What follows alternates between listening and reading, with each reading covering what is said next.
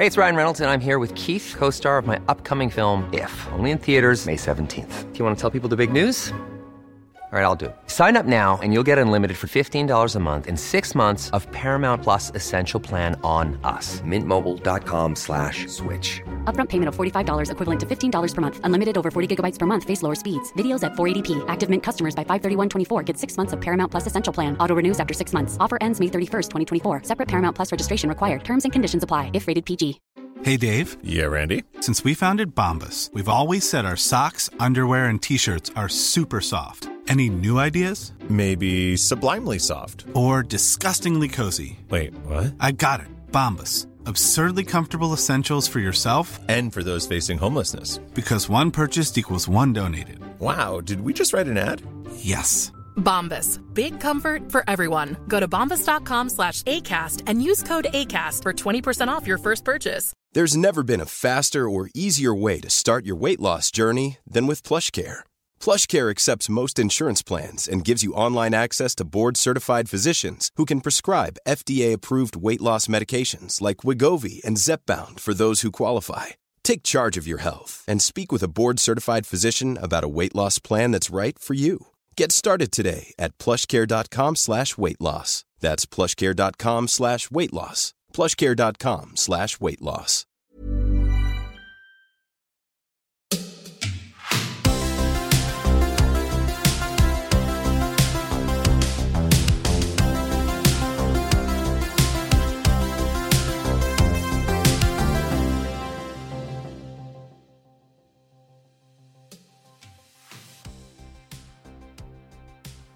Hej och eh, välkomna till Klocksnack med Hanna och Sanna. Hej och välkomna! Idag ska vi prata om ett ämne som är Hanne kärt om hjärtat. Väldigt, väldigt, väldigt mycket så. Men jag kan också bli lite upprörd stundtals. Så ni som lyssnar får ha lite tålamod med att jag kanske rantar. Precis. Eh, vi ska prata klockor och bling. Klockor och bling. Mhm. Eh, diamanter, ädelstenar i alla dess äkta och oäkta former. På saker som tickar och tockar. Mm, det är väl dagens tema. Eh, börjar vi med en wristcheck som vanligt. Ja, vi gör ju det. Mm, vad har du på dig?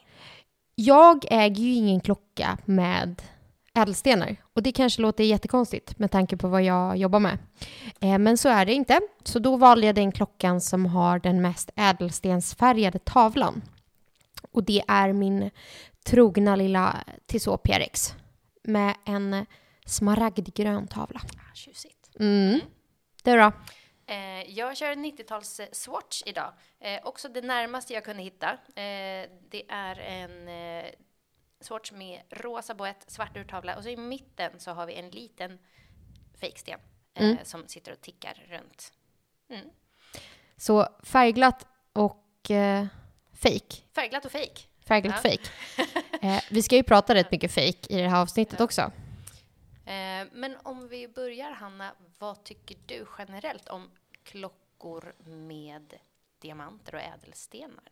Är det din grej? Jag tror faktiskt inte det. Nej. Eller så här. Jag ska börja vara en sån här, sann politiker och bara nej, men. Jag kan verkligen, verkligen uppskatta klockor med ädelstenar och klockor som är som smycken. Alltså alla de här helt galna Serpenti, Bulgari Serpenti-kafsen som finns. Jag kan verkligen uppskatta när det går all in som vi såg på eh, One Watch, eller Only Watch. Eh, och jag älskar stentavlor i klockor. Och det är ju också en form av ädelsten. Men sen så tror jag att jag är lite allergisk mot den här pink it and shrink it-trenden. När man gör någonting med rosa urtavla och slänger på diamanter och kallar det för damklocka.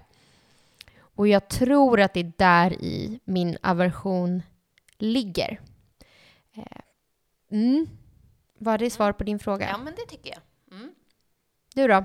Ehm, ja, det, min smak i det här känner jag håller på att utvecklas. Jag har ju varit från att absolut inte tycka om stenar på klockor överhuvudtaget. De Mm. hade ingenting där att göra. Ehm, men då var jag också inne på ganska mycket så här vintage tool 50-60-tal. Det var, jag var inte inne på så mycket bling. Nu tycker jag ju att det är roligt med guld och extravaganta saker. Och, och då kan det få komma in lite stenar också. Jag tycker kanske inte att det är svinkul med en briljantkrans på en standardmodell. Nej. Så, ehm, det gör ingenting riktigt för mig. Ska det vara stenar, då, tycker jag, då vill jag ha ett statement piece. Mm. Det ska, ska det vara, ska det vara. Ja, ja men du sätter nu ord på det jag tänkte. Bara det här. Vi slänger på diamanter på kransen och vi byter ut liksom index markers och sätter små baguetter i. Mm. Ja, inte så spännande. När man gör det på ett snyggt sätt eller på ett coolt sätt eller faktiskt liksom lägger till något mer hantverk. Mycket bra. Precis. Och däremot kan det vara små vintage liksom, smyckesklockor som eh, kan vara ganska små, söta och nätta och det är bara någon krans. Där tycker jag att det kan förhöja. Eh, så att det kan vara lite både och. Och typ gamla art deco-klockor i platina med rosenslipade diamanter och gammaldags diamanter. Ja, men Det såklart. går jag igång på. Ja. Eh, men moderna toolwatches som har blivit krympta och någon har slängt på det. Mm. Inte riktigt va? Ska man göra något så gör det ordentligt. All in or nothing. Precis. Och varför pratar vi om bling och klockor idag? För det är ju på förekommen anledning. Precis. Vad är det som har hänt? Jo, förra året, 2023, måste fortfarande vänja mig vid att det är förra året, eh, så gick Breitling, en favorit hos oss båda, ut med att de från och med i år då, 2024, bara kommer att använda labbodlade diamanter i sina klockor. Eh, och anledningen, eh, den storyn som deras marknadsföringsavdelning har valt att snurra, är att eh, typ the new consumer is uh, conscious uh, and eco-friendly minded. Att man är medveten, att man tycker att det är viktigt med hållbarhet, att man uppskattar vackra saker, men att man eh, skulle gilla labbodlade diamanter för att de var mer miljövänliga och för att de inte associerar det med en smutsig gruvindustri. Ehm, och detta gör man samtidigt som man höjer priset på sina klockor ganska rejält. Eh, och man, eh, jag tycker att man verkar vilja få det till att det här är ett exklusivt val man gör.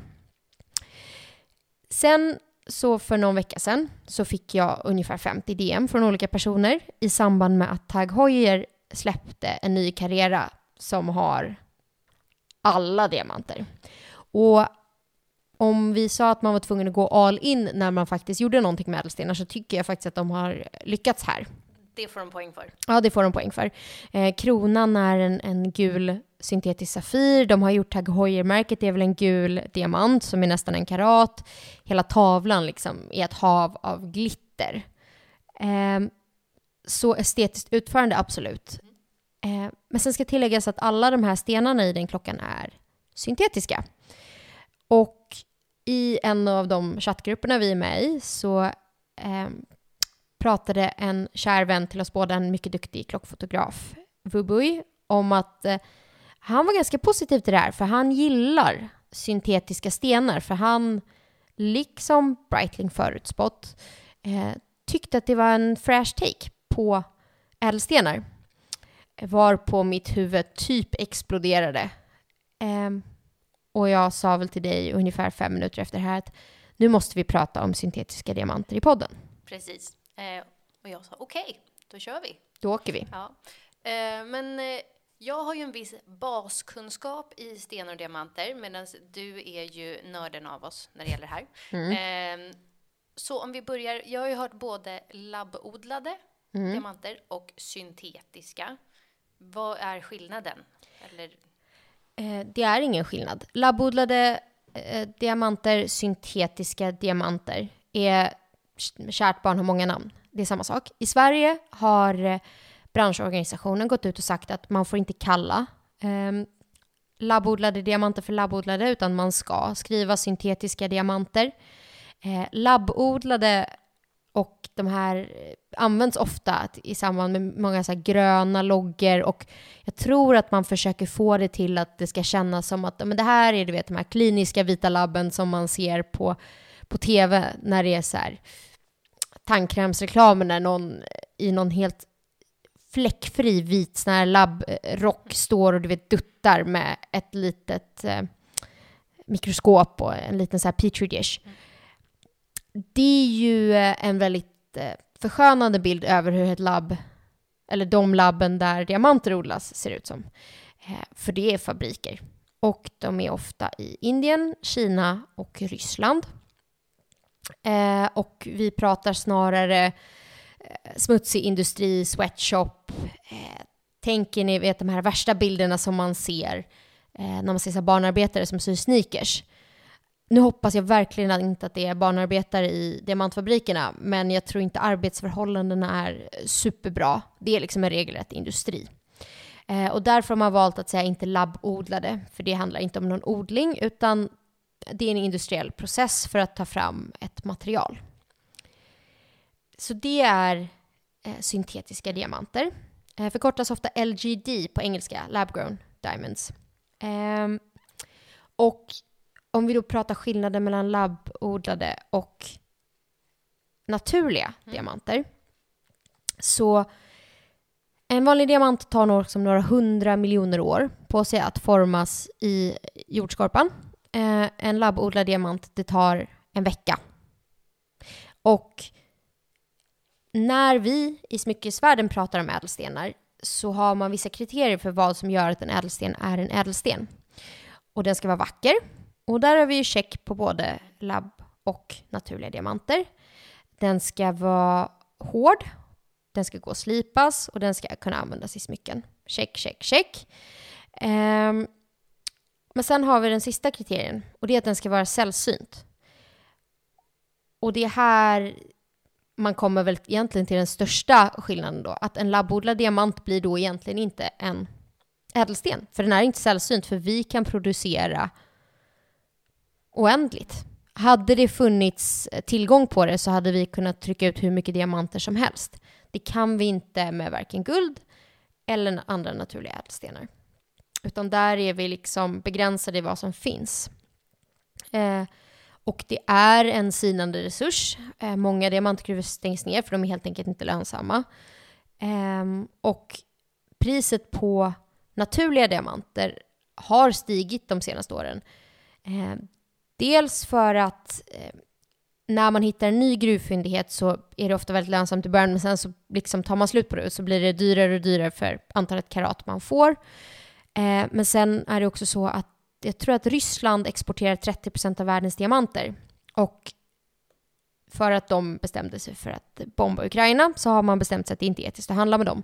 För det har varit en jättestor inkomstkälla till dem och det är, ja, men det är en modern form av blodsdiamanter som finansierar ett krig. Eh, och teknologin har gått väldigt mycket framåt så att tillgången på syntetiska diamanter har istället totalökat. Så i början för syntetiska diamanter har funnits länge, men initialt så kunde vi inte tillverka diamanter av ädelstenskvalitet, utan det var sånt som användes i industrin, typ diamantborrar och sånt.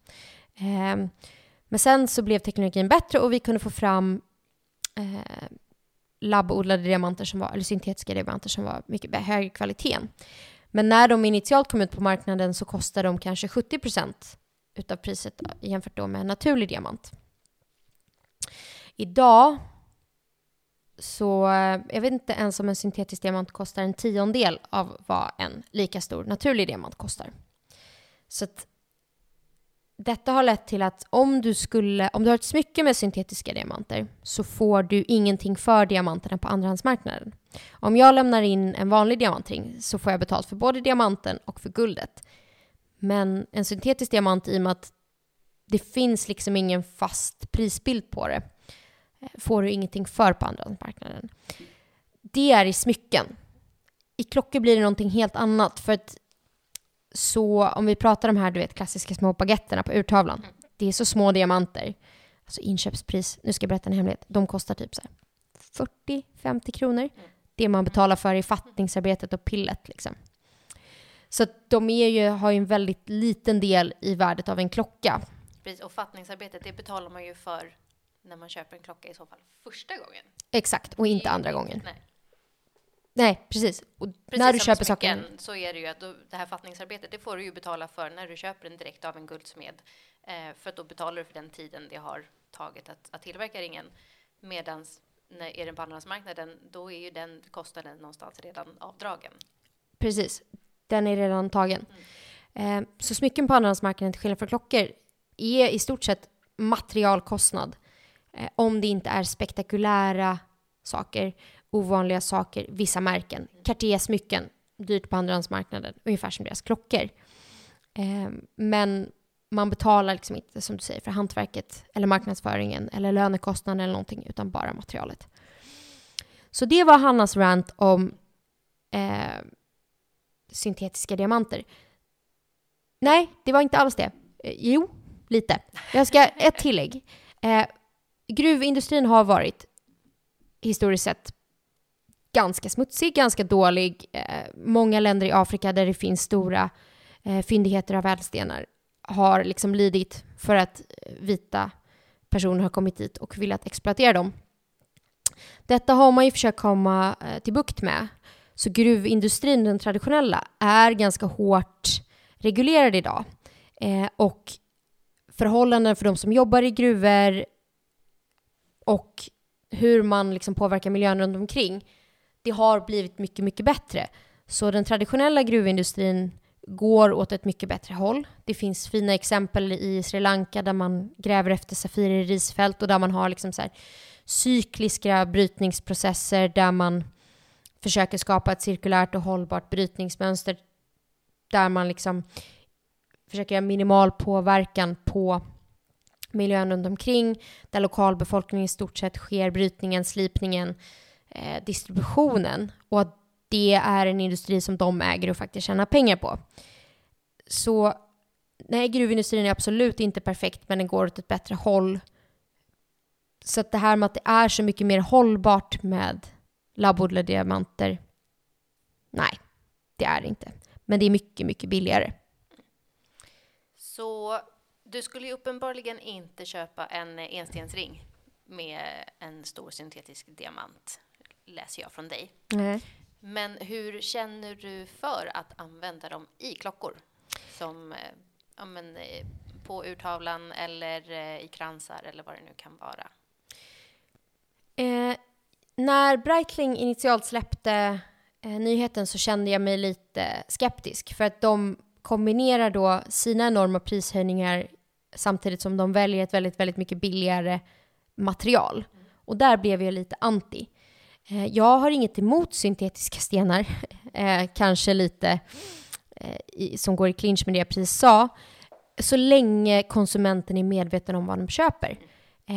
Vill du ha en jättestor diamantsolitär, alltså en ring med en sten i mitten, och känner att jag har inte råd att köpa en naturlig diamant, jag är medveten om vad det innebär att köpa en syntetisk diamant och väljer att göra det. Superbra. Du ska bara vara medveten.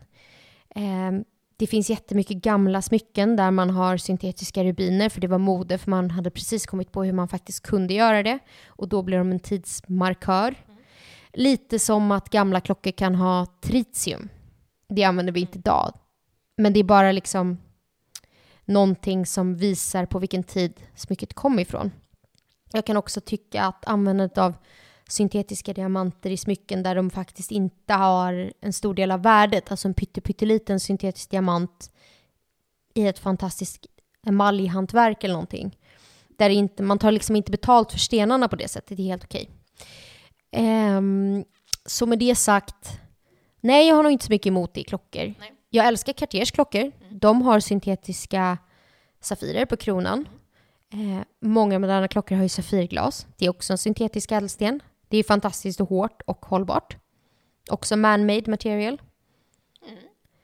Så nej, jag har inget emot det, men jag sätter mig emot att det...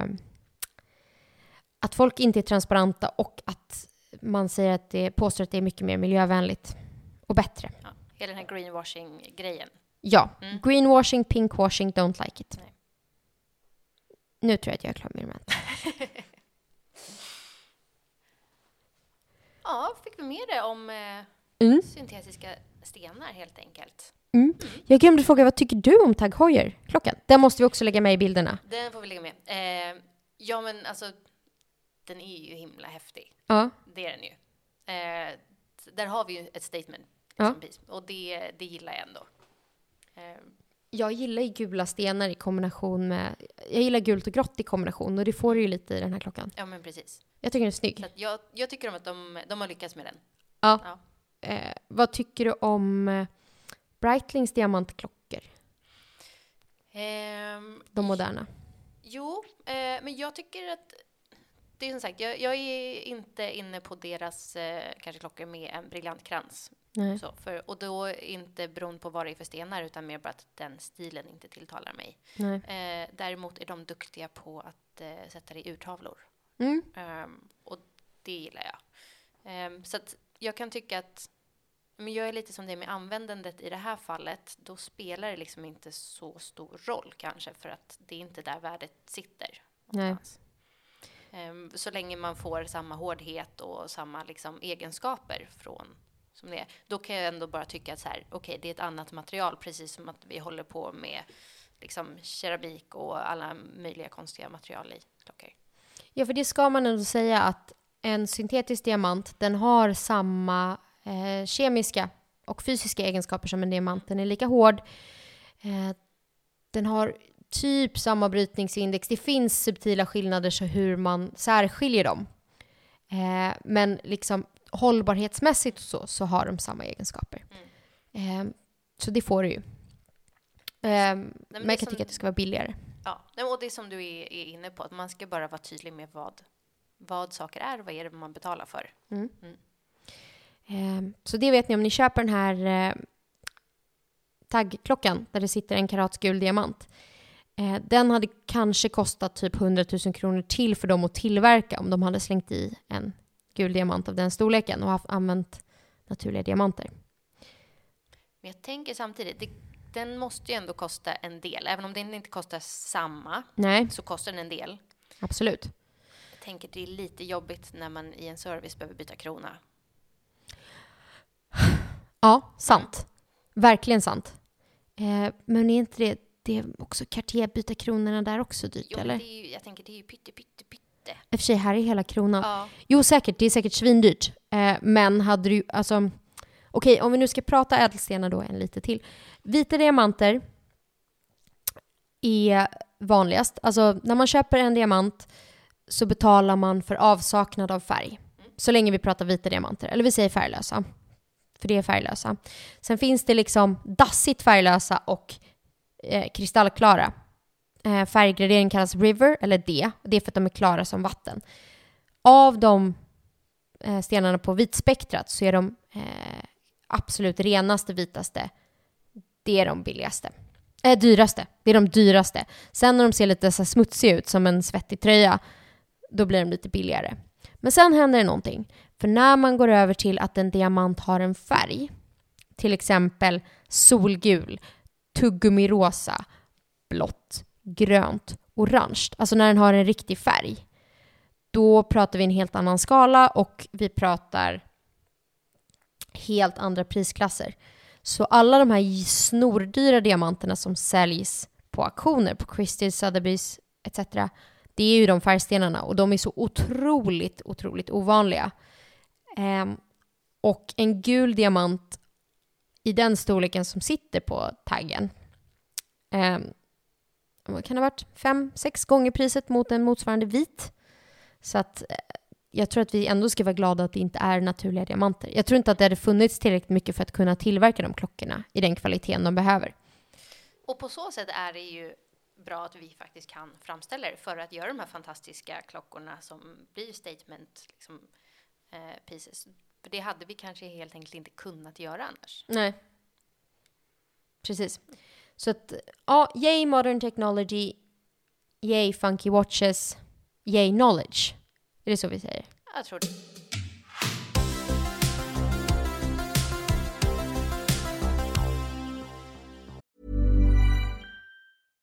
How would you like to look five years younger? In a clinical study, people that had volume added with Juvederm Voluma XC in the cheeks perceived themselves as looking five years younger at six months after treatment. Look younger, feel like you. Add volume for lift and contour in the cheeks with Juvederm Voluma XC. Reverse signs of aging by adding volume to smooth laugh lines with Juvederm Volure XC. For important safety information and to find a licensed specialist, visit juvederm.com. That's J U V E D E R M.com. Not for people with severe allergic reactions, allergies to lidocaine, or the proteins used in Juvederm. Common side effects include injection site redness, swelling, pain, tenderness, firmness, lumps, bumps, bruising, discoloration, or itching. There's a risk of unintentional injection into a blood vessel, which can cause vision abnormalities, blindness, stroke, temporary scabs, or scarring. Talk to a licensed specialist to find out if it's right for you.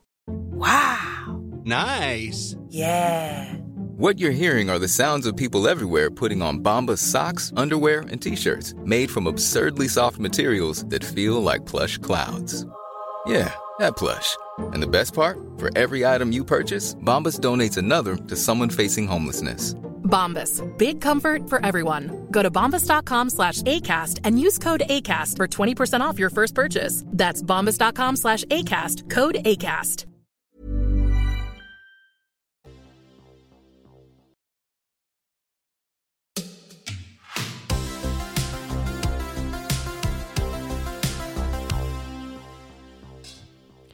Skål! Skål!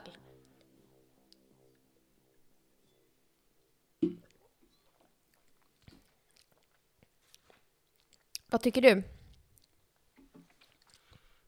Jo, men jag gillar det här. Jag gillar ju allt, det varenda gång. Ehm, men det sades ju förra gången att jag skulle tycka mer om vinet vi hade förra gången. Mm. Och det stämmer nog. Mm. Mm. Förra, den här var bra, men förra passade mig ännu bättre. Jag gillar ju den här mer. Mm. Eh, den är lite svårare, skulle jag säga. Och jag är ju en så svår person. Eh, nej, men är ju, den är ju lite djupare. Det är en eh, 2009. Il Maiolo Rosso Red Label. Passar ju bra i och med att det är alla hjärtans dag imorgon. Eller hur? Ja, italienskt vin, som alltid. Eh, importören Gullfelt och Company. Det är beställningsvara på systemet, så är man sugen på att prova det här så får man beställa hem en lodda. Men det kan det vara absolut vara värt. Ehm, den har ganska mycket tanniner den här. Det är ju ett naturvin. Jag tror att det är det som är lite funky. Känner du den smakar lite funky? Jo, men jag, jag känner naturvins-viben. Mm. Mm. Och sen är det ju liksom lite så här, det är nästan lite så här multna löv, lite svart te. Det är liksom mörkt och mustigt. Det låter som höstvin. Ja, men jag tänker att det funkar också i februari när det är liksom någon slags eh, winter is coming vibe ute. Snöstorm, slask. Jag är glad att vi sitter inne idag. Mycket, mycket glad för det. Ja. Mm. Då säger vi tack till Guldfält Company för att vi har vin när vi spelar podd. Tack så hemskt mycket. Åter till klockor och diamanter.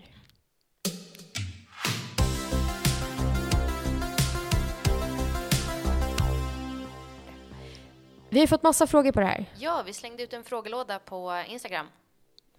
Jag är så redo. Yes, vart börjar vi någonstans? Eh, vi kan börja. Du får börja. Jag börjar. Eh, men eh, ska vi ta vår vän eh, Lydia kanske? Ja. Lydias Watches har skickat in en fråga.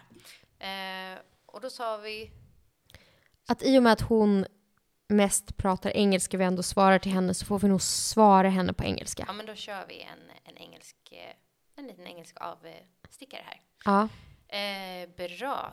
Okay, so Lydia is wondering.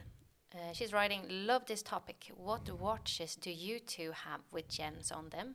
And if none, then what would you realistically buy? Okay, so uh, in the intro, we already divulged that we do not own any watches with gemstones. Um, and when I heard the first part of the questions, my mind started racing, and I was like, ooh, I want a Bulgari Serpenti cuff. I want a Malachite dial day date. And then there was the caveat, realistically. And I think I probably wouldn't just buy like I look at quite a lot of modern sports watches for myself. Um like you know, traditional steel tool watches. I wouldn't buy them with like a diamond set bezel uh, or diamonds on the dial. so what I would realistically buy is probably some funky 70s jewelry watch, like a vintage Piaget, maybe with a jade dial, because that's sort of what I can afford budget wise. I wish I was like Mr. Enthusiast and had all those amazing vintage APs with diamond dials or like the Rolex Cellinis, but I'm not there. So, ladies' watch, funky vintage stone dial. You? Um, I think I'd go either vintage also, uh, Mm. kind of like you with the Piaget and the, the stone dials, maybe like an onyx or lapis or Nice. something like that. Uh, or we've had at auction a couple of times more like the um, the vintage Omegas, but the men's size, uh, so like a 35 millimeter or something. Mm-hmm. Then with just a brilliant bezel, and then it gets more interesting to me. Mm. Uh, and those are still quite reasonable priced. Like um, Constellation? Uh, yeah, or more like it's just a simple like Genève or Seamaster or something, and then it's With diamonds? yeah. There hasn't been many. Why Uh, have I not seen them? Uh, it's been a while since we had one. Okay. Um, and we also we've had a square one that was really big, and it's like and they don't go for too much. No? Um, so I would look into that. And mm, looking into modern watches, I think I'd go with uh, a Breitling Ladies Chronomat, Mm. uh, but with the little diamonds just on on the dial, Mm.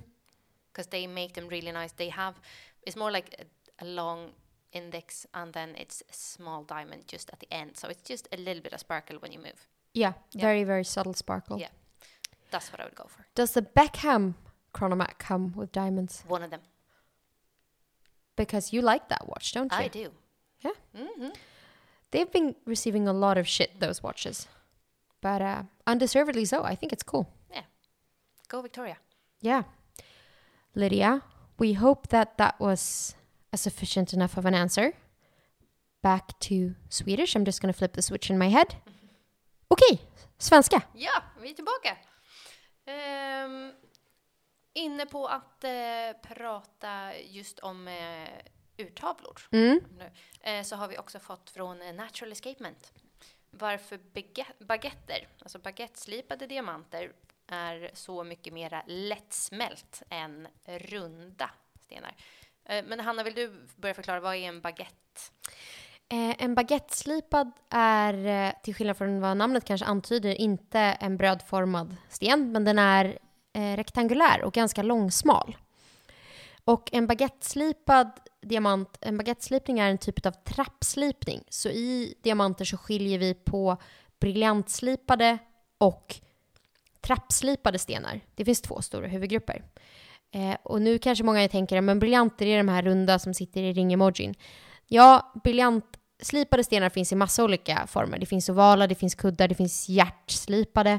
Och det handlar egentligen om vilken form facetterna har. Så en briljantslipad sten har triangulära facetter och en trappslipad sten har rektangulära facetter. Och trappslipade stenar får inte alls det här gnistret, glöden, fire brukar man prata om när man pratar om eh, ädelstenar.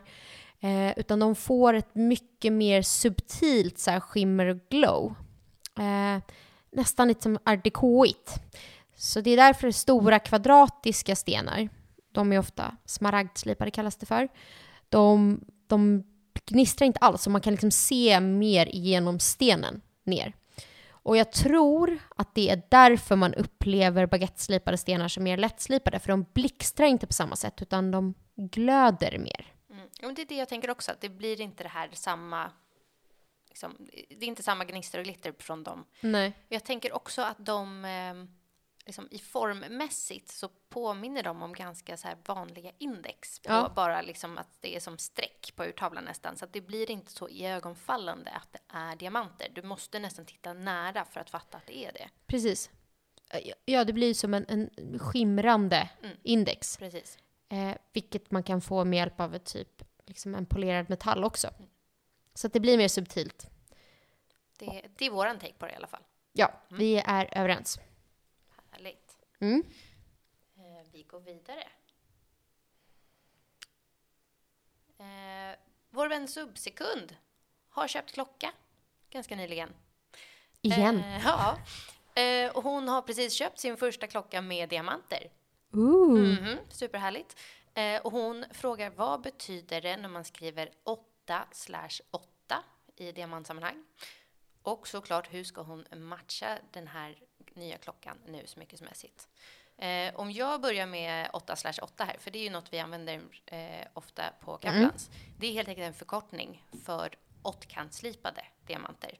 Eh, och det är en, en ganska enkel slipning. Och de här små som sitter i urtavlor och så behöver oftast inte ha en bättre slipning för att det ska, de är så små. Eh, så att då kan man inte hålla på och göra liksom hur mycket facetter som helst. Nej. Och åttkantsslipade stenar är faktiskt inte åttkantsslipade. De är, de är färre facetter. En modern briljantslipad diamant har 58 facetter. Det har inte en Nej, så åttkantsslipad de är, så det är en enklare typ av slipning. Ja. Mm. Men åttkantsslipad diamant är också väldigt matigt. Så att, Precis, så att vi, vi har ett visst, till exempel då, varför vi använder på Kaplans är för att vi har ett visst antal tecken att vi får använda i våra beskrivningar. Åttkantsslipad tar en himla massa plats. mm, Därför blir det 8 slash 8. ja. Och sen var det ju då stylingen. Ja, hur ska det här fixas? Det här är väldigt roligt för att i Smyckespodden så har vi Cecilia slängde på, hon, hon var så sneaky, min andra podcast Hon gick ut i stories där hon blockade mig Jag såg det. eh, och alla andra. Och alla tyckte det var världens bästa idé att lura mig. Så när vi satt i studion så sa hon, nu ska du få, du får eh, typ tre, eh, fyra fakta om en person och sen ska du styla dem med smycken i någonting som kallas smyckesakuten. Så det här blir ju då, eller stylingakuten, det här blir ju då klockversionen av det. Mm. Perfekt. Eh, och i det avsnittet av stylingakuten som vi har eh, spelat in så gav jag faktiskt en person en klocka. Nu behöver vi inte lösa det i och med att Subsekund redan har en klocka. Hon har fantastiska klockor överhuvudtaget. Ja, Ja. eh, ja, gud ja. Du har en klocka som du vill sno. Mhm. Mm. Jag också. Eh, men jag tänker här, för nu råkar jag ju veta vad den här personen har för vigselring och vad hon har för klockor. Jag vet också att hon har väldigt eh, nätta handleder. Och då kan man ju tänka att jag kanske skulle gå på tennisarmbandet och så, men nej, nej, nej, nej, nej. Jag skulle vilja se, för den här klockan, den har ju en väldigt varm guldton, den har brunt läderband. Precis. Det är en Omega Constellation kan vi lägga till. Ja. Med ett integrerat läderband. Mm. Och så små diamantindex på urtavlan. Den går att se på hennes Instagram. Precis. Och här skulle jag inte vilja ta ifrån någonting från de subtila diamanterna som sitter på tavlan. Utan jag tänker att vi ska styla henne med lite coola eh, diamantsmycken. Nej, diamant, guldsmycken. Lite större modell där man liksom lyfter den här varma tonen i klockan. Eh, men kanske på andra delar. Vi, jag hade inte stackat den med armband på samma hand, men jag hade kanske väg, balanserat upp den på andra handleden med ett guldarmband. Jag tänker en länk eh, för att få liksom den här följsamma, lite mjuka känslan. Och då funderar jag på om det kanske skulle vara en lite tjockare pansarlänk. Jag tror att det hade varit coolt. Eh, och på samma hand så hade jag nog kanske satt en lillfingerring med små nätta diamanter. Typ ett, ehm, det kallas för alliansring när det går diamanter hela vägen runt. För då får du, du konkurrerar inte med klockan, men du får liksom lite subtilt som plockar upp på andra handen. Eh, och här tänker jag nog faktiskt vita stenar.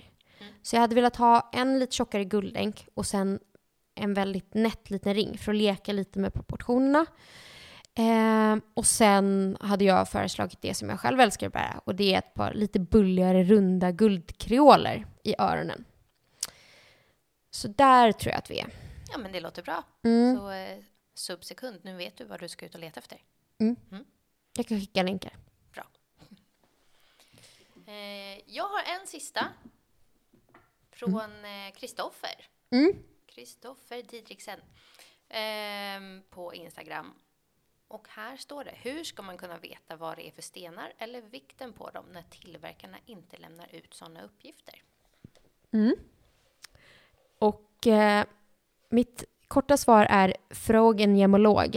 Eh, men det lite längre svaret är att eh, det går ju att testa. Kransdiamanter går ju att testa. Eh, just att testa för om någonting är diamant eller någonting annat. Det finns ganska enkla verktyg som typ alla kan hantera. Och det kan du gå in till valfri guldsmed eller pantbank och kolla. Eh, ädelstenar, det kan också en gemolog genom att titta på dem i lupp, för man ser om ädelstenar har, alltså typ smaragder ska ha en viss typ av inneslutningar för att det ska funka. Samma sak med rubri, eh, rubiner och safirer. Och sen kan man köra dem i en refraktometer för att se hur de återspeglar ljus. För olika stenar har olika kemiska kompositioner och kastar tillbaka ljus på olika sätt. Eh, sen om vi pratar gamla stentavlor så här, om du köper från till exempel ett auktionshus och de säger stentavla, men då har de ganska kollat det, för det höjer ju värdet markant på någonting. Så de hade inte sagt det om de inte var säkra. Så då kan du vara säker på att det är en stentavla. Och sen kan man ju då titta på färgen för att lära sig vilken sorts stentavla det är. Eh, och karatmässigt, där finns det ju, alltså, om man tittar på en eh, briljantkrans till exempel på en klocka, Mm. eh, där har vi ju just briljantslipade stenar har ju en standard för hur stora de ska vara. Mm. Eh, så att där finns det ju också så man kan mäta eh, faktiskt hur stora de är och då få en, en idé om vad karaten är, vad den bör vara, Ja, om de är bra slipade. ja. Och Så det bör det vara i bättre klockor. Exakt. Eh, för en bra diamantslipning ska ha ett visst antal proportioner och det gör att en enkarats diamant till exempel, den ska vara 6,5 mm i diameter. Eh, 0,25 karat är 4. Ehm, och det finns, liksom googla fram, och även olika slipningar. Liksom en bra baguetteslipning, en, eller standard baguetteslipning enligt proportionerna. Det finns för alla. Så det finns ett standardmått som är ungefär och då kan man få ett hum om det mellan tummen och pekfingret. Ehm, så det går. Så på samma sätt som att det är bra att vara kompis med en urmakare Mm. så är det bra att bli vän med en gemolog. Yes. Alla bör ha en gemologvän. Ehm, och någon med väldigt bra mätverktyg. Eh, någon med en linjal. Typ. Det här är också, man kan ju faktiskt, eh, om man vill nörda lite hemma, så går det faktiskt att googla på också. Så det går att kolla upp. Tips. The internet is your friend. Annars så kan man fråga mig och Sanna, för vi har redan googlat de här grejerna. Många gånger. Jag har fått en fråga. Mm, och den här vill jag rikta till dig. Det är också natural escapement. Och då säger han, känner du till någon klocka med Asher, Marquis eller någon annan kul slipning, helst serieproducerad? Oj. Mm. Mm. Eh, rakt upp och ner, nej. Nej. Jag kände samma. Ja. Det som kom, kom till mig var ju de här typ Rainbow Daytona med diverse smaragdslipade safirer runt kronan och så. Mm. Jag vet inte om man skulle kalla dem serieproducerade eller speciellt tillgängliga. Men baguetter finns väl på indexarna? Ja, men baguetter finns ju. Eh, men jag kan, jag kan inte. liksom inte plocka en modell rakt i, eh, Nej. rakt i luften sådär. Eh, och annars så är det väl alltså de här lite mer extravaganta slipningarna, då känns det ju som att vi verkligen pratar smyckesur. Mm. Då är vi kanske Jacob inne, Co. Ja, eller Piaget eller Bulgari eller eh, Sant. Mm. Då kan du säkert hitta hur mycket roliga, fantastiska liksom, skapelser som helst. Men, eh, men det här med serieproducerat, ja. Jag funderar på om de använder olika sorters slipningar i serpentin. I dammuren och lite diamanter. Men jag tror faktiskt att det bara är vanliga briljanter. Men det är nog där man ska börja kolla. Det är inte supervanligt liksom. Ehm, mm, nej. Och markis, alltså markisslipade diamanter, det är en båtformad sten. Tänk dig en mandel eh, med spetsiga kanter. Ehm, eh, båtmarkis. Ehm, Alltså jag har väl sett det på typ Only Watch någon gång. Men jag har inte sett det i någon serieproducerad klocka. Eh, men när vi ändå är inne på stenar på klockor, eller det har väl varit hela poddavsnittet. när är det okej att gå utanför Factory Diamonds och när blir det tacky? Ah. Mm. Alltså, det, den här tycker jag är svår. För någonstans så känner jag så här, med din egen klocka får du göra vad du vill. Eh, och sen är det ju alltid att man ska vara medveten om att sätter du på saker på din klocka som inte var där från fabrik så kan det bli problem.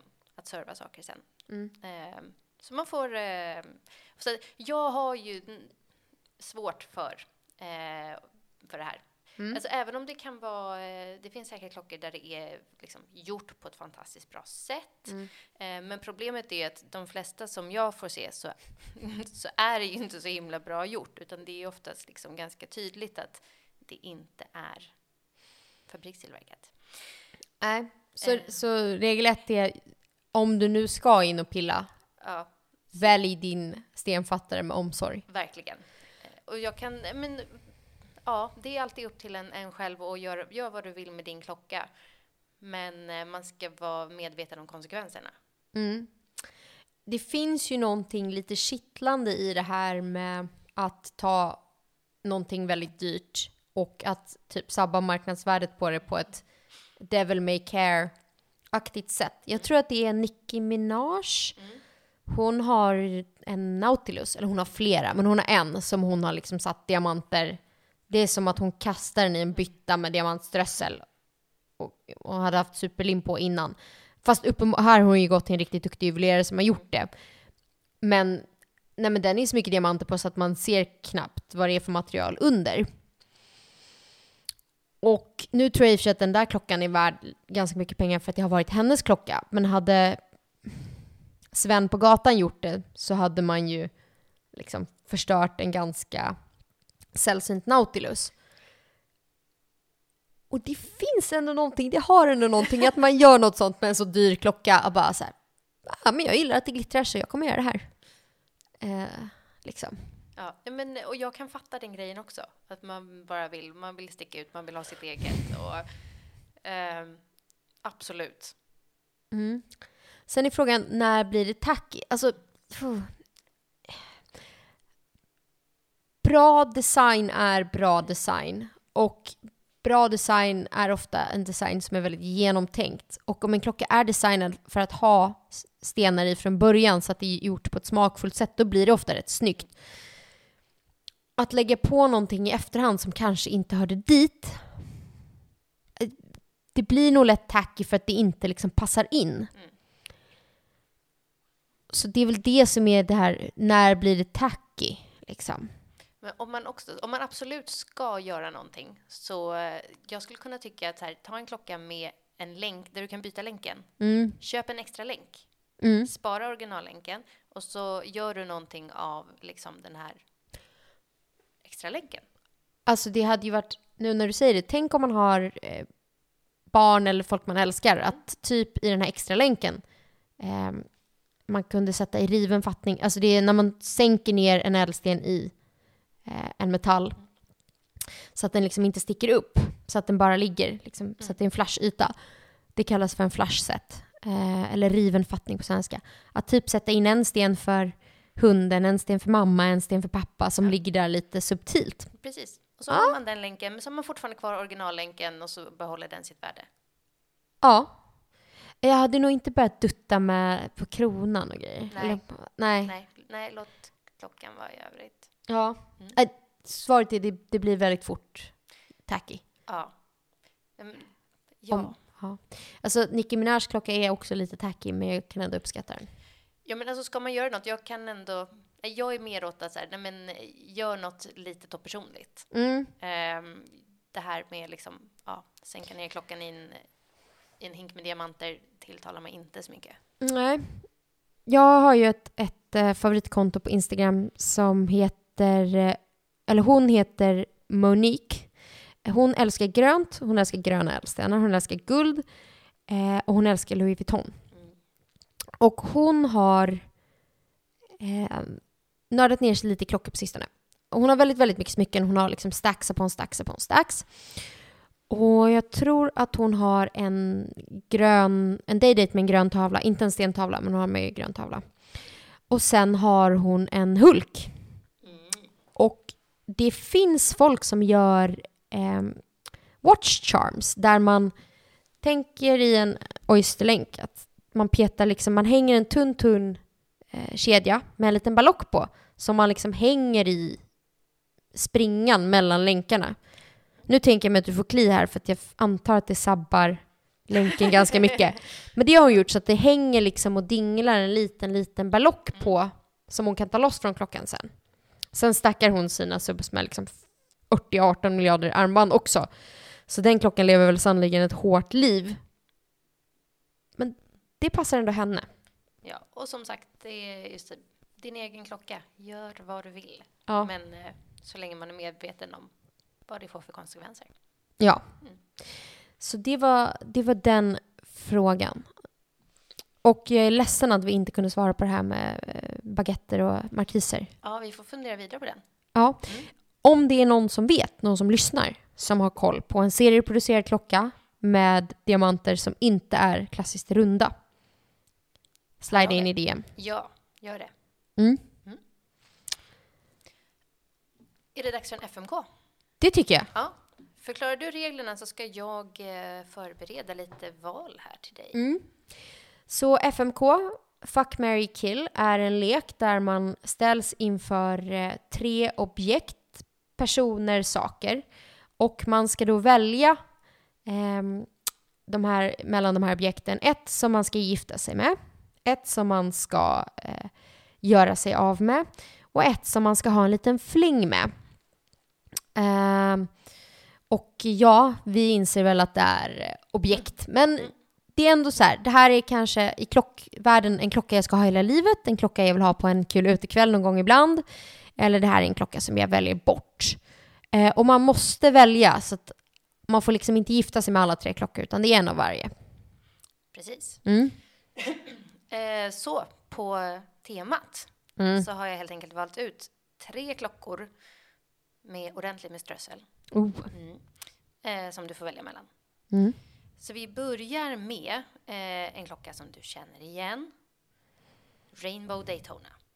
Mm. Så vi pratar ju Daytona i helguld med en krans av safirer. Yes. Eh, Safirer går, finns i alla färger kan vi säga. och det ser man här. Ja. Eh, och den är ju så fantastiskt gjord i att den går verkligen så fint i liksom, ja, det är en duktig person som har suttit med den färggradienten. ja. Eh, och så har vi lite diamanter på hornen och det, ja men det är... Är det diamanter på hornen på? Ja, titta där. Ja, det såg jag inte ens. Ja. Nej, man blir förblindad av de här safirerna så Mm. man inte märkte det.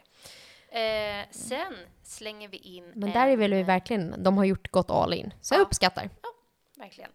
Eh, sen tänkte jag ta med en eh, Royal Oak i Mm. bilden. Eh, för den som, eh, vi slänger upp lite bilder tänker jag, men om man vill köra en liten Google annars, så de har ju så himla långa referenser. Men om man tar början, 67654 OR, så kommer man hitta den här.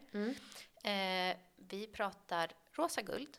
Mm. Och sen så är det, det är som att man har börjat att liksom sätta diamanter väldigt fint och ordentligt. Eh, och sen har någon dragit in eh, fläktarna från Melodifestivalen. Eh, och, Carola-fläktarna? ja, precis. Och så har det liksom bara eh, gått bananas och svämmat ut över klockan på olika sätt. Ja. Mm. Mm. Eh, och sen tar vi eh, en kändisklocka. Helt enkelt från eh, Golden Globe. Timothy Chalamet, eh, Cartier Crash.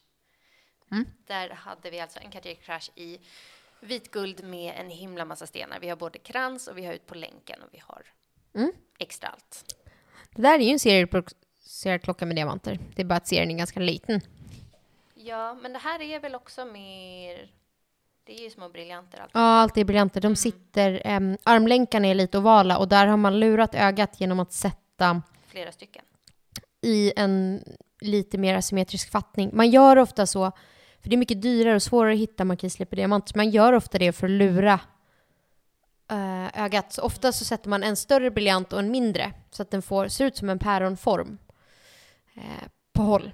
Så det är, det är ett vanligt trick som juvelerare använder sig av. För, liksom, de lurar ju inte konsumenten, men man får illusionen av päron, men till ett billigare och mer överkomligt pris. Eh, nej, men det här är ganska lätt. Ja, men då så. Eh, jag... Det trodde jag inte innan att jag skulle säga så om jag inte hade sett de specifika klockorna. Men Cartier Crash är inte min grej. Eh, förstår inte grejen. Den ryker. Rakt av. Eh, den får stanna hos Timothy Chalamet, för han passar sjukt bra i den. Eh, sen så känner jag att jag skulle vilja ha eh, Daytonan under Pride-veckan. Bara rakt av. Det är min fling, jag tycker att den är kul, jag gillar den. Eh, jag har en ring som har multifärgade safirer runt sådär. Jag tycker det är kul. Ehm, men jag gifte mig med en Royal Oak. Det är sjukt, men Det var det jag... värsta. Jag vet. Men just det där eh, hur... Nej men det är något som är så himla funky fel med att göra så på en Royal Oak. Eh, och jag tycker att feeden var väldigt snygg. Och det där är en klocka jag hade kunnat bära varje dag till det mesta. Jag tänker att den vore sjukt snygg med de flesta smycken jag äger och har. Eh, inte för att jag är blyg för färg så, men ehm, ja, nej, jag vill nog hellre ha en vanlig Daytona. ja, så så säger vi. Vad säger du? Eh, jag är med dig på Cartier. Eh, och just för att jag har gillat Cartier Crash i teorin. Och sen fick jag testa den. Och vart liksom lite underwhelmed. Mm. På handleden var den, ja. Och sen är det här en helt annan nivå av Crash. Men jag kände... Provade du den stora eller den lilla? För det här är ju damvarianten. Eh, ja, jag testade stora. Mm. Mm. Ehm, Vi borde stilla få prova den lilla någon gång. Ja, eller hur? Mm. Eh, men eh, just det, på, baserat på den eh, upplevelsen att jag kände att nja, så, ehm, så ryker den. Eh, men jag gifte mig med Daytona. För den var raka motsatsen. Den hade jag sett på bild och fattade inte alls. Och sen fick jag uppleva den i verkligheten. Och hallå, Härla. hallå. Den, den vill jag ha varje dag. Alltid. Du tror att ditt liv hade varit lite gladare? Ja, man kan ju liksom inte vara ledsen med en regnbåge på armen. Nej. Nej. Eh, och eh, jag känner att eh, lilla Royal Oaken, den tar jag med mig på en partykväll då och då. Till den lilla svarta. Precis. Vi ska ju på ett Bond-event. Ja, så roligt. Den hade varit väldigt... Är det någon som vill sponsra oss med diamantströsslade klockor inför det här eventet så tar vi emot dem. Ehm, Vi nej, kan bara låna för en kväll. Exakt. Mm. Perfekt. Ja. Eh, vad har upptagit din klockhjärna på det sistone? Eh, lite som vi har varit inne och, eh, och bara fingrat lite på här, så eh, faktiskt Breitling och Victoria Beckham. Mm. Eh, känner jag. Det var klockor som fick eh, ganska mycket skit när de kom ut. Eh, för det här är ju då en, en ny eh, Kronomat-serie, eller det är ju egentligen Kronomatten som eh, släpptes för ett tag sedan och sen har ju Victoria Beckham nu fått designa ett par olika varianter. Eh, och min första reaktion var väl också kanske så här, ja, ja, men ja, vad, vad är det här liksom? Eh, men så var jag och kollade på dem. Eh, vi, jag jobbar ju ändå liksom vägg i vägg med Breitling-butiken. Krypavstånd. Ja. Eh, så att eh, dagen efter att de hade släppt så fanns stålvarianterna där. Så jag var inne och hälsade på och provade och tittade. Eh, och jag tycker att de är riktigt bra. Eh, det är små subtila skillnader mot eh, liksom, de vanliga. Om Du gillar ju den vanliga kronomatten. Ja, jag gillar den. Eh, och om man bortser från att det står Victoria Beckham och alla sådana väldigt tydliga så finns det även andra små liksom, subtila eh, skillnader på datum och lite sådana saker som jag tycker är väldigt snygga. Eh, och det är bra, det är snygga urtavlor. Det här är en mer, som det fanns redan en, eh, en mörkblå tavla innan. Den som kommer nu är mera matt. Ja, Eh, den, den tidigare mörkblå som var ganska klarblå. Ja, precis. Eh, jag tyckte den grå var jätte, jättefin. Eh, och med små diamanter på. Mm. Jag blev förvånad mig själv. Eh, och sen kul att eh, nu tar de ju faktiskt tillbaka gulguld. Det har de inte haft på länge. Ja, det är bra. För jag är inte svinförtjust i roséguld alla gånger. Nej. Ehm, Och jag hoppas på att eh, de ska få in gulguld så jag får testa det sen också. Då kommer jag att hänga på låset igen. För nu hade de bara stålvarianterna. ja. ja, men då vill jag följa med. Mm. Jag, vi båda gillar ju Breitling. Så är det. Yes. Eh, gillar inte Breitlings priser nu, kan ni lösa det. Men annars mycket, mycket positivt. Eh, nej, men det är ju lite upp och nervända världen. Jag vill gifta mig med en Royal Oak och jag alltså tänker väl i princip bara på så här små obskyra vintageklockor som är liksom typiskt sett så kvarts, tunna och som ser ut som smycken. Nej, men jag, jag skyller helt och hållet på, eh, han heter Mr Enthusiast på i- eh, Instagram. Och han har det som han kallar för geezer watches. Alltså det är små Rolex Cellini, det är AP eh, Bamboo tror jag den heter. Alltså vi pratar så här gamla fina herrdressur. Med det lilla extra. Ja, och det är allt jag vill ha. Eh, och de är verkligen som smycken. Och sen så bara ser jag hur jag skulle kunna styla dem. För tidigare har jag ju, jag levde ju en period med när jag kom omkring med en stekpanna på armen i form av en smartwatch och tyckte att det var det var en cool kontrast att ha liksom gummiband och 52 mm till små diamanter. Men nu vill jag att det ska liksom smälta in och att klockan ska vara så här cool. Och om man pratar någonting som är mer överkomligt så är vi inne på de här gamla dampiagéerna. Det ska vara lite coola, oväntade boettformer. It's all I want. Är det för mycket begärt? Ehm, så det har jag tänkt mycket på. Och sen så har ju jag, eh, likt alla andra, det har varit både Super Bowl, det har varit Grammys och det har varit allt möjligt. Och då får man ju se de här spektakulära, när folk verkligen lyckas med kombon kläder, klocka. Det har jag tänkt mycket på, vad, liksom, hur det funkar. Så jag tittar väldigt mycket på kändisar och klockor. Eh, och eh, det har fått många DM om eh, Taylor Swifts halsklocka. Ah, Har du sett det? Ja. Eh, och det vi kom fram till var att det är ju sjukt opraktiskt om man vill se tiden. Men att jag inte är så skeptisk till klocka på halsband, för jag tänker om man snarare hade haft en längre kedja. Aha. Typ Ja, som ett fickur fast runt liksom. halsen. Ett hängur. Det hade jag gärna haft. Ja. Ja, och i det här fallet så är det ju mer, det är en jättevacker klocka. Ja, som hon inte får se. Ja, det, ja, det, det är faktiskt det är lite trist att ha på sig någonting som man själv inte får liksom, njuta av. Ehm, men också bara det faktum är att här, hon får hela världen att prata om en klocka. Och hon får hela världen att titta på Super Bowl. Ja. Hail eh, Queen Taylor. Ja. Nej, men det, jag, jag, min, min första reaktion är ofta så där, ah, men vad är det här? Vad, och nu känner jag också så här, okej, men vad är det här för grej man ska hitta på nu? Liksom? Vad är den här choker-grejen? Mm. Men så kan jag ändå känna att, ah, fast varför inte? Men då måste jag få ha en klocka på armen också. Ja, ja. Ja. Men det har ju vår ehm, kära kollega Wu pratat ganska mycket om. Att double stacking är det nya svarta. Ja. Så varför måste man begränsa sig själv till två eh, handleder? Ja. Man kan köra handled halsband. Då kan jag lika gärna ha en klocka där, bara för att den är otroligt vacker. Mm. Mm. Eh, och jag måste bara få säga en till sak om Taylor Swift. Alltså hon hade otroliga smycken på Super Bowl. Hon hade eh, röda rubiner och guld. Eh, hennes kille, Travis Kels, eh, spel, Kelsey, spelar för eh, eh, Chiefs, Kansas City Chiefs. Och de har ju färgerna rött och guld, så att hon matchade ju. Eh, imponerande. Good on you.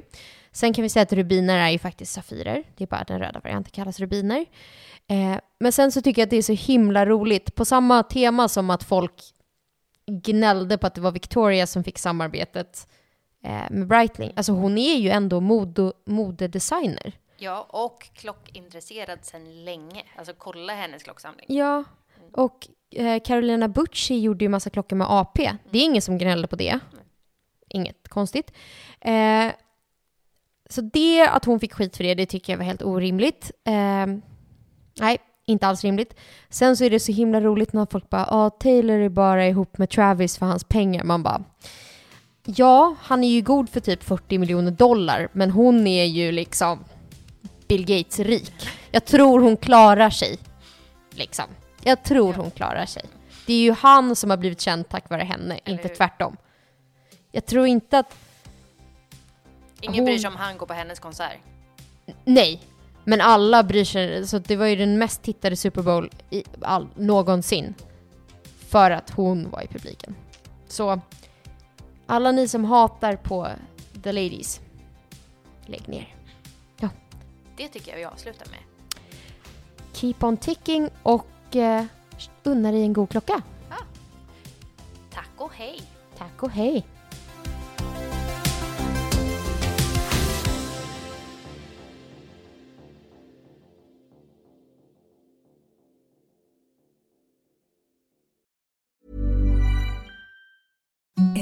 The softest sheets you've ever felt. Now imagine them getting even softer over time. That's what you'll feel with Bowl and Branch's organic cotton sheets. In a recent customer survey, 96% replied that Bowl and Branch sheets get softer with every wash. Start getting your best night's sleep in these sheets that get softer and softer for years to come. Try their sheets with a 30-night guarantee. Plus, get 15% off your first order at bowlandbranch.com. Code BUTTERY. Exclusions apply. See site for details.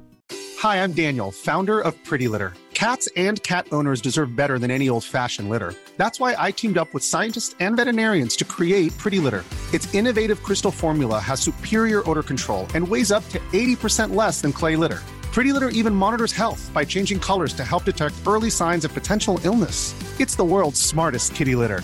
Go to prettylitter.com and use code ACAST for 20% off your first order and a free cat toy. Terms and conditions apply. See site for details.